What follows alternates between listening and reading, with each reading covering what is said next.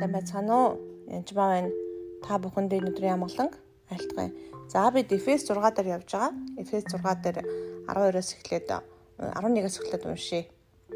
Та нар Деволын залмихны эсрэг бацсах чадвартай байхын тулд Бурхны бүрэн хуйд дуулахыг өмс. Тэгэхээр Деволын залмихны эсрэг бацсах чадвартай байхын тулд тэр бид нар Девол бол залмихтай байх юм. Тэд яадаг вэ? Тэрний эсрэг бид яах ёстой мэн? Зогсох ёстой зогсох чадвартай байхын тулд биднэрт юу хэрэгтэй юм бэ гэхээр Бурхны бүрэн хуйд дуулахыг өмс. Тэгэхээр Бурхан өгсөн бүрэн хуйд дуулахыг та нар өмссөн байх ёстой гэсэн бид нар.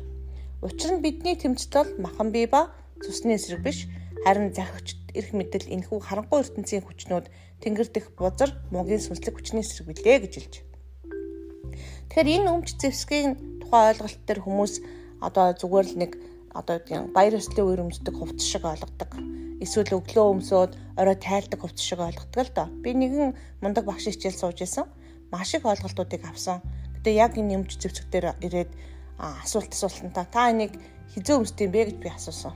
Тэгсэн чинь өглөө өмсөөд сануулж өмсөөд орой тайлдаа гэж хэлсэн.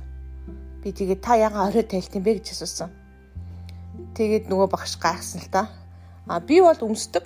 Энийг тэгээд би хизээр тайлдаггүй өмсөл бол тайлах шаардлагагүй. Яг бол хүнд сүнсэн бие, мах бие, махан бие, сэтгэл санаа, оюун бодол гэсэн ойлголтууд байгаа. Тэгэхээр сүнсэн дээр энэ хувцас өмсөж байгаа. Яг бол би энэ дайсан маань сүнсний дайсан, мах цусны эсрэг биш. Тэр сүнсний дайсан дээр сүнсэн бид энэ бурхны энэ сүнслэг хувцсуудыг өмсөж байгаа гэсэн. Нэгэнт та үнний бүсийг мэдсэн бол тайлах шаардлага байхгүй. Та нэг үннийг мэдээл, нэг үннээс гараад үнэн дотор амьдрал, үнний гадуур амьдраад байна гэсэн ойлголт ерөөсөө байхгүй. Та үнэн дотор л амьдарч байх үед та үнний бүсийг зүвсэн байх болно. Та улам зөвтөл байх юм бол зөвхт байдлын хуйг танд байна гэсэн. Нэг зөвхт амьдрал, нэг зөвхт бус амьдрал, баахан гим нүгэлд унаал тэгээд тохиом бол энэ хуйгдуулга сайн ажиллахгүй гэсэн үг. Аа тэгэхээр нэгэн та аврагдсан бол та жишээлбэл дуулахтлаа Есүсийг хүлээж авсан аврагдсан хүн бол нэг авралаасаа гараад авралаасаа болоод байна гэдэг нь бол тийм сайнч биш. Сүмч болгонд явхаа болцсон бүр сүмч болгонд явдаг байсан ч гэсэн мөртлөө Иесус итгэдэггүй хүн шиг амьдардаг хүмүүс бас байдаг л да. Тэгэхээр аврал дотор байгаа бол аврал дотроо л байх хэрэгтэй гэсэн. Тэр энэ хувцсыг яагаад өмсөж байгаа хүмүүс ерөөсөй ойлгодоггүй. Яагаад өмсөж байгаа юм бэ гэхээр эсэргүүцэн зогсох чадвартай ханд бол нэгсэндээ бузар муу өдөр Тиймээс бүхнийг хийсийн дараа бузар муу өдөрт тэр ямар өдөрт вэ? Муу өдөрт эсэргүүцэн бат зогсох чадвартай байхын тулд Бурхны бүрэн зэвсгийг авчилсан.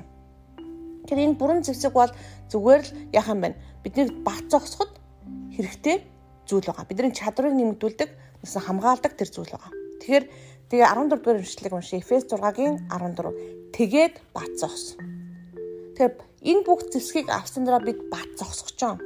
Яах гэж зогсож байгаа? Эсрэгүүц зогсож байгаа. Юуг эсрэгүүц зогсож байгаа? Бузар муу өдөрт нэгсэндөө деволыг эсрэгүүцэж зогсож байгаа гэсэн. Девол дайрхуу дайрдаг. Жишээлбэл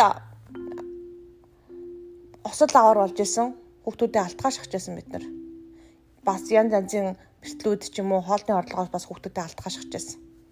Энэ бүх үед би шууд бат зогсдог нөхөр битэр хоёлаа зогсдог амнаасаа янз бүрийн үг гаргадаггүй эсрэг ч үг гаргадаггүй зүгээр л шууд бат зогсдог хүүхдүүдийн хандлоо хамгаалаад бат зогсдог.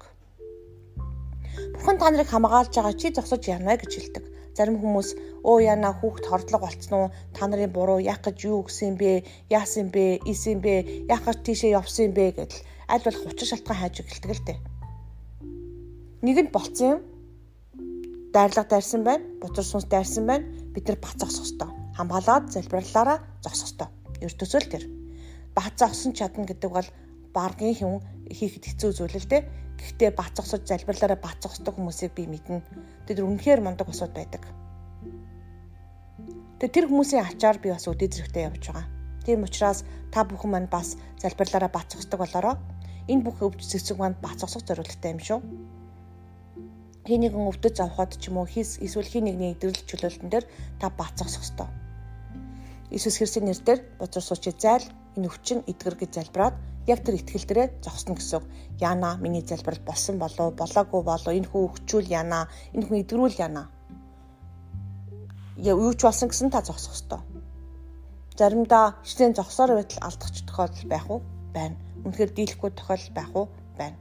Гэтэ энэ бол Бурхны эрх мэдлийн асуудал. Ямар ч гэсэн та зогсон уу? Зогссон.